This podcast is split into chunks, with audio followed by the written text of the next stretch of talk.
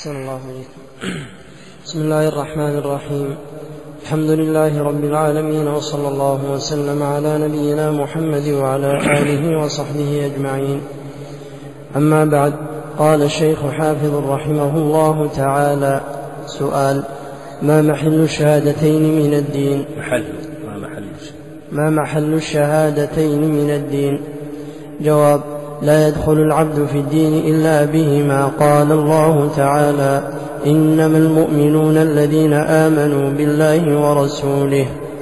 وقال النبي صلى الله عليه وسلم أمرت أن أقاتل الناس حتى يشهدوا أن لا إله إلا الله وأن محمدا عبده ورسوله.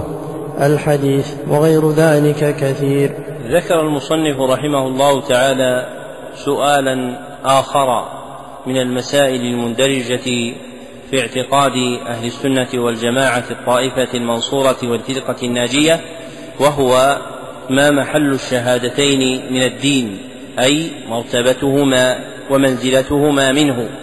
ثم أجاب رحمه الله تعالى عن ذلك بأن العبد لا يدخل في الدين إلا بهما فلا يكون العبد مسلما إلا بالتزام هاتين الكلمتين أشهد أن لا إله إلا الله وأشهد أن محمدا رسول الله. وقد بلغت هاتين الكلمتين مبلغهما في الدين حتى صارتا هما المعهودتان. إذا أطلق لفظ الشهادتين فإذا ذكرت الشهادتين فالمراد بذلك الشهادة لله ولرسوله صلى الله عليه وسلم. فأل في قول المصنف ما محل الشهادتين؟ هي عهدية أي الشهادتين المعهودتين في الدين. ولا يدخل العبد إلا بهما فلا يكون مسلما إلا بهاتين الشهادتين. كما قال الله تعالى إنما المؤمنون الذين آمنوا بالله ورسوله. والإيمان بالله يقتضي أن لا إله إلا الله والإيمان بمحمد صلى الله عليه وسلم يقتضي أن لا رسول في هذه الأمة سواه. فلا إله إلا الله تتضمن إثبات العبادة لله عز وجل كما سيأتي والشهادة لمحمد صلى الله عليه وسلم تتضمن الشهادة له بالرسالة. وأورد المصنف حديثا آخر وهو حديث ابن عمر في الصحيحين. أمرت أن أقاتل الناس حتى يشهدوا أن لا إله إلا الله وأن محمدا عبده ورسوله. وهنا إشكال. وهو إذا كانت الكلمتان هما أشهد أن لا إله إلا الله وأشهد أن محمدا رسول الله درج أهل العلم على عدم ذكر العبودية فيها مع أن في هذا الحديث وأن محمدا عبده ورسوله. وجاء النداء في الأذان وليس فيه ذكر العبودية. فلماذا؟ يعني لماذا يقال أشهد أن محمدا رسول الله؟ ما يقال أشهد أن محمدا رسول الله وعبده؟ فلم يجعل هذا شعارا في الأذان. ولا شعارا في كلمة الشهادة. الجواب لأن أهل الجاهلية لم يكونوا ينازعون في كونه صلى الله عليه وسلم عبدا مخلوقا مثلهم وإنما كانوا ينازعون في كونه رسولا. فلجلالة المنازعة في هذا خصت به الشهادة فقيل أشهد أن محمدا رسول الله نعم الله عليكم. سؤال ما دليل شهادة أن لا إله إلا الله؟ جواب قول الله تعالى شهد الله أنه لا إله إلا هو والملائكة وأولو العلم قائما بالقسط. لا إله إلا هو العزيز الحكيم. وقوله تعالى فاعلم أنه لا إله إلا الله. وقوله تعالى وما من إله إلا الله وقوله تعالى ما اتخذ الله من ولد وما كان معه من إله الآيات وقوله تعالى قل لو كان معه آلهة كما يقولون إذا لابتغوا إلى ذي العرش سبيلا الآيات وغيرها أورد المصنف رحمه الله تعالى سؤالا آخر هو ما دليل شهادة أن أن لا إله إلا الله. وأجاب عن ذلك بإيراد جملة من الآيات القرآنية المتضمنة للشهادة بأنه لا إله إلا الله. كما قال تعالى شهد الله أنه لا إله إلا هو وإنما قدم هذه الآية لأنها أجل آية في الشهادة. فإن الله شهد فيها لنفسه ثم قرن الشهادة له بشهادة ملائكته له ثم قرن شهادة أولئك بشهادة أولي العلم له. ولابن القيم رحمه الله تعالى كلام مبسوط في هذه الآية ذكره في مفتاح دار السعادة ثم أتبعه بقول الله عز وجل فاعلم أنه لا إله إلا الله وما بعدها من الآية وهي آيات ظاهرات في الاستدلال لكون الشهادة لله عز وجل بأنه لا إله غيره. نعم. أحسن الله عليك سؤال ما معنى شهادة أن لا إله إلا الله؟ جواب معناها نفي استحقاق العبادة عن كل ما سوى الله تعالى. وإثباتها لله عز وجل وحده لا شريك له في عبادته كما أنه ليس له شريك في ملكه. قال الله تعالى ذلك بأن الله هو الحق وأن ما يدعون من دونه هو الباطل وأن الله هو العلي الكبير. أورد المصنف رحمه الله تعالى سؤالا آخر وهو ما معنى شهادة أن لا إله إلا الله؟ فبعد أن ذكر المصنف رحمه الله تعالى منزلة هذه الشهادة ودليلها أورد سؤالا يتعلق بمعناها وأجاب عنه بما مضمنه أن هذه الشهادة تشتمل على شيئين اثنين أحدهما نفي استحقاق العبادة عما سوى الله والآخر إثبات العبادة لله عز وجل. وأورد المصنف رحمه الله تعالى دليلا كليا وآخر تفصيلي على هذا المعنى. فأما الدليل الكلي ففي قوله كما أنه ليس له شريك في ملكه. أي كما أن الله عز وجل لا شريك له في الربوبية وأشهر أفرادها الملك وعليه اقتصر المصنف مع أن للربوبية أفرادا أخرى. يأتي بيانها في الموضع اللائق بها لأن المصنف اقتصر على أشهرها وهو الشهادة وهو ذكر ملك الله سبحانه وتعالى للخلق. وهذا الدليل الكلي وهو الاستدلال بدليل الربوبية على استحقاق الألوهية من أشيع الأدلة الفاشية في القرآن والسنة. وقد ذكر ابن الوزير في ترجيح أساليب القرآن على أساليب اليونان عن صاحب كتاب مذاهب السلف ولم يسمه ولا وقفت عليه أن في القرآن خمسمائة آية تدل على الربوبية وإنما حشي القرآن بها لأن الإذعان والإقرار بالربوبية يقتضي الإقرار لله عز وجل بالألوهية.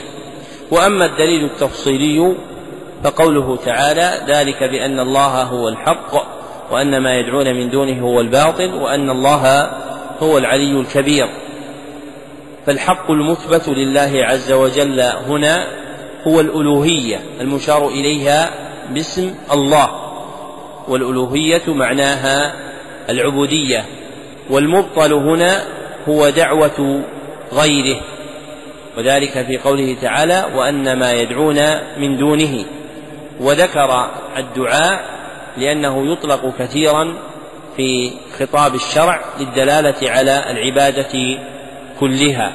ومنه حديث النعمان عند الأربعة بالسند الصحيح الدعاء هو العبادة. فكأن معنى الآية وأن ما يدعون من دونه أي ما يعبدون من دونه هو الباطل. فهذه الآية دالة على جملتي الشهادة.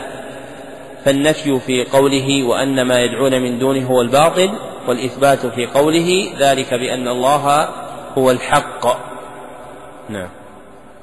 أحسن الله إليك سؤال ما هي شروط شهادة أن لا إله إلا الله التي لا تنفع قائلها إلا باجتماع إلا باجتماعها فيه؟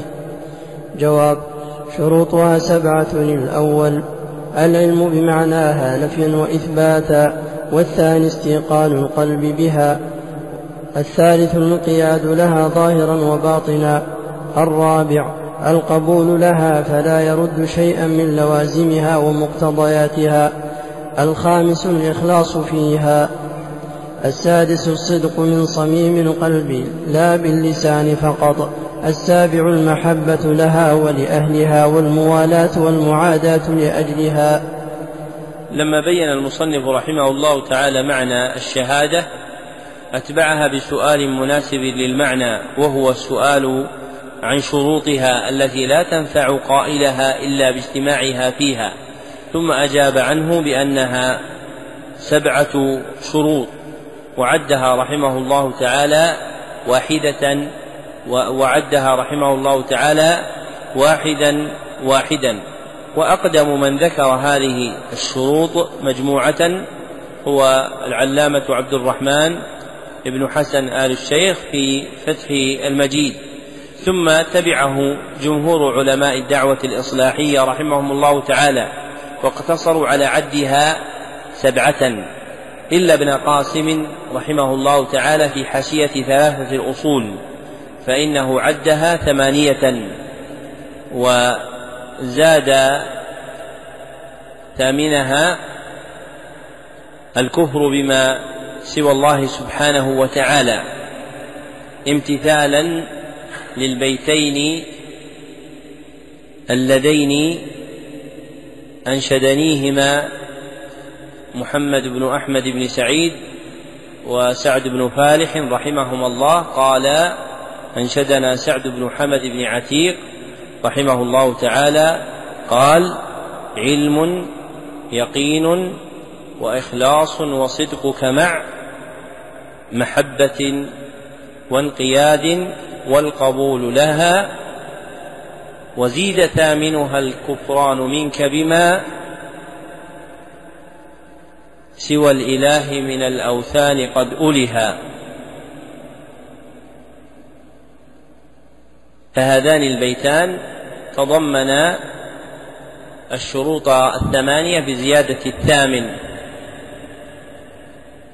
ومن أهل العلم وهم جمهور علماء الدعوة من أعرض عن عد الثامن لأنه لازم الشهادة فإن من أثبت العبادة لله وحده لزمه نفيها عما سواه من المعبودات مع البراءة من الشرك وأهله والمشهور عندهم عدها ثمانية عدها سبعة. وسيفصل المصنف رحمه الله تعالى هذه الشروط بأدلتها فيما يستقبل. نعم. أحسن الله عليه سؤال ما دليل اشتراط العلم من الكتاب والسنة؟ جواب قول الله تعالى إلا من شهد بالحق أي بلا إله إلا الله وهم يعلمون. في قلوبهم معنى ما نطقوا به بألسنتهم وقول, وقول النبي صلى الله عليه وسلم من مات وهو يعلم أن لا إله إلا الله دخل الجنة. شرع المصنف رحمه الله تعالى يبين هذه الشروط بأدلتها وابتدأ بالعلم فقال ما دليل اشتراط العلم من الكتاب والسنة؟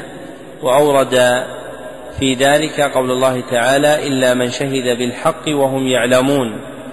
وفسر الحق بأنه لا إله إلا الله ولا ريب أن الحق يقع في لسان الشرع واللغة على أعم من هذا المعنى. لكن أحق الحق وأعظمه هو الشهادة بلا إله إلا الله. فتفسير الحق بأنه لا إله إلا الله من تفسير الشيء ببعض أفراده. لجلالة ذلك الفرد منه. فهذه الآية دالة على اشتراط العلم بلا إله إلا الله وأنه لا بد أن يكون قائلها عالما بمعنى ما نطق به لسانه. وأصرح من ذلك الحديث الذي أورده المصنف وهو في صحيح مسلم عن عثمان أن النبي صلى الله عليه وسلم قال من مات وهو يعلم أن لا إله إلا الله دخل الجنة. وفيه تصريح بشرط العلم. نعم. أحسن الله إليك. سؤال ما دليل اشتراط اليقين من الكتاب والسنة؟ جواب قول الله عز وجل إنما المؤمنون الذين آمنوا بالله ورسوله ثم لم يرتابوا إلى قوله أولئك هم الصادقون. وقول النبي صلى الله عليه وسلم أشهد أن لا إله إلا الله وأني رسول الله لا يلقى الله بهما عبد غير شاك فيهما إلا دخل الجنة. وقال صلى الله عليه وسلم لأبي هريرة رضي الله عنه من لقيت وراء هذا الحائط يشهد أن لا إله إلا الله مستيقنا بها قلبه فبشره بالجنة. كلاهما في الصحيح. ذكر المصنف رحمه الله تعالى سؤالا آخر يتعلق بشرط آخر من شروط لا إله إلا الله وهو اليقين. فقال ما دليل اشتراط اليقين من الكتاب والسنة؟ أي اليقين بلا إله إلا الله.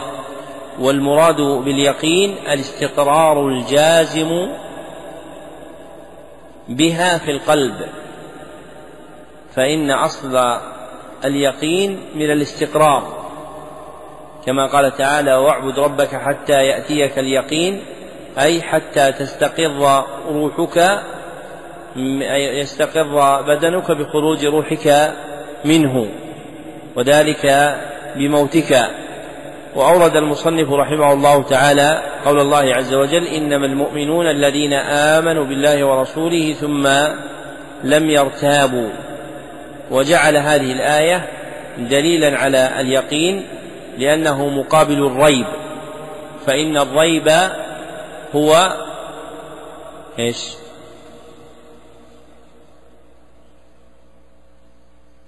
ما الجواب؟ هناك من قال هذا؟ أي وغيره. ابن وغيره.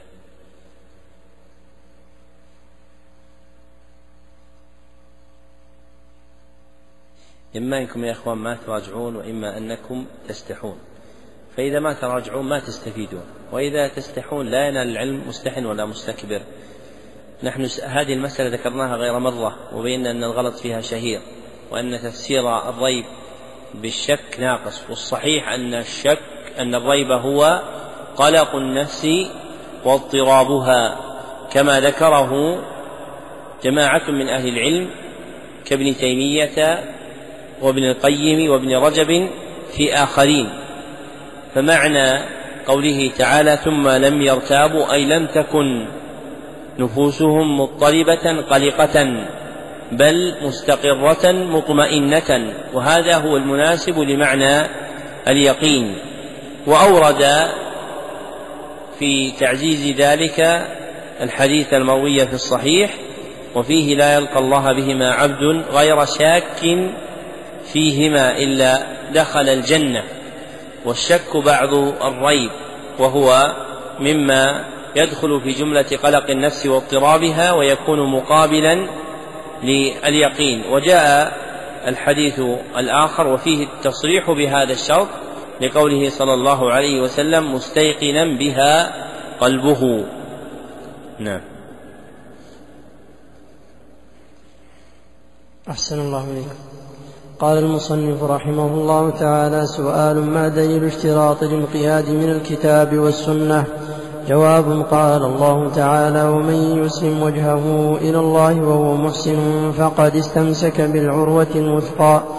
وقال النبي صلى الله عليه وسلم لا يؤمن أحدكم حتى يكون هواه تبعا لما جئت به.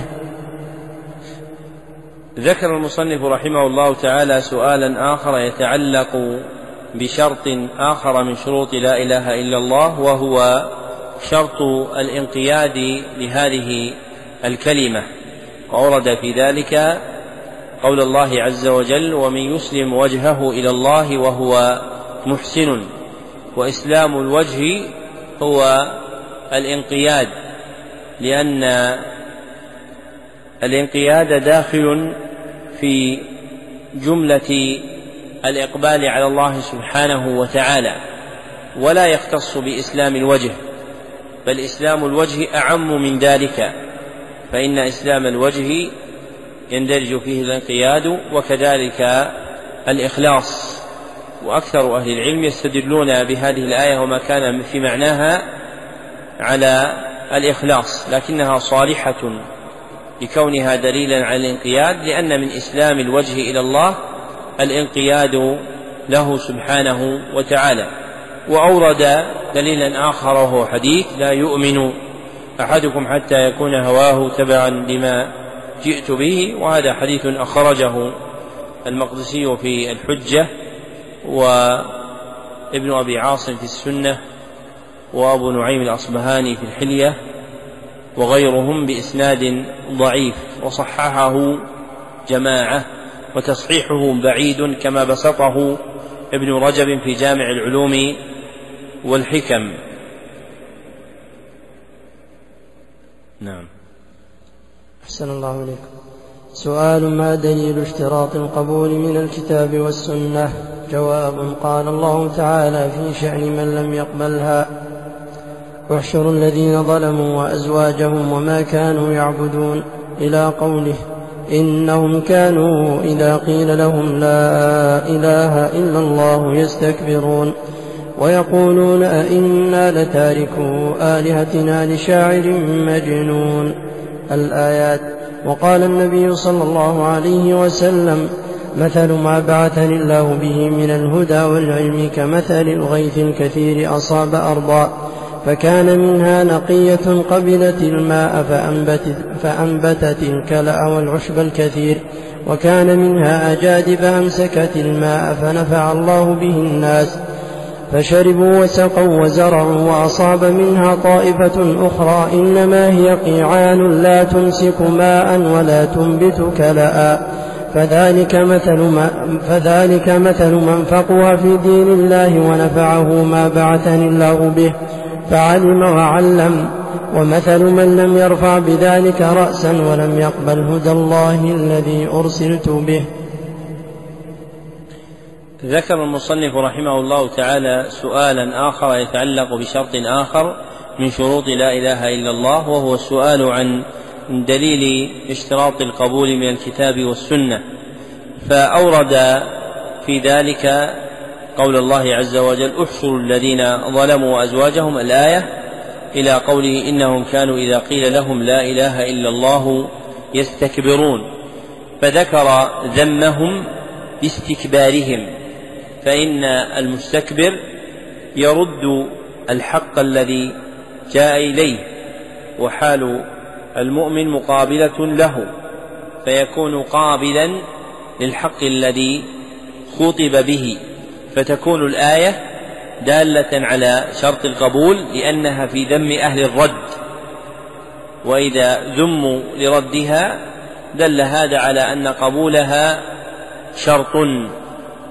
ثم أورد حديث أبي موسى الأشعري رضي الله عنه في قسمة الناس في مقابلة ما بعث به النبي صلى الله عليه وسلم من الهدى والعلم وأن الخلق انقسمت قلوبهم إلى هذه القسمة فمنهم من قبل الماء فأنبت الكلى والعشب ومنه من كان بمنزلة الأجادب من الأرض التي أمسكت الماء فانتفع الناس بما أمسكت. وطائفة أخرى أعرضت عما جاء به النبي صلى الله عليه وسلم فهي بمنزلة قيعان الأرض التي لا تمسك ماء ولا تنبت كلأ وهذا حال الخلق في قبول الشرع الذي جاء به النبي صلى الله عليه وسلم المشار إليه بقوله مثل ما بعثني الله به من الهدى والعلم. وها هنا سؤال لطيف نختم به التقرير على هذا الكتاب وهو ما هو الفرق بين الانقياد والقبول؟ ما الجواب؟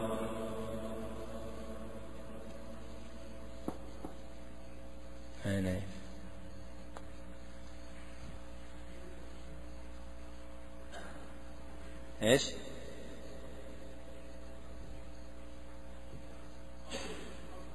القبول يكون قبل الانقياد. طيب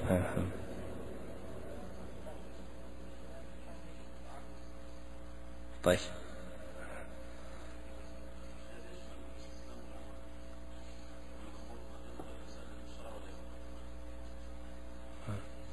عبد الله كيف؟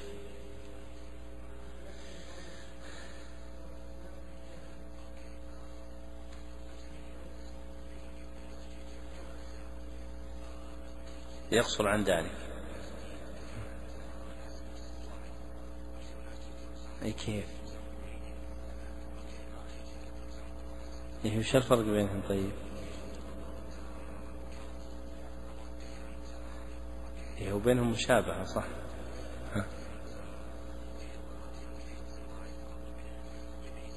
وش الدليل؟ ولا العكس؟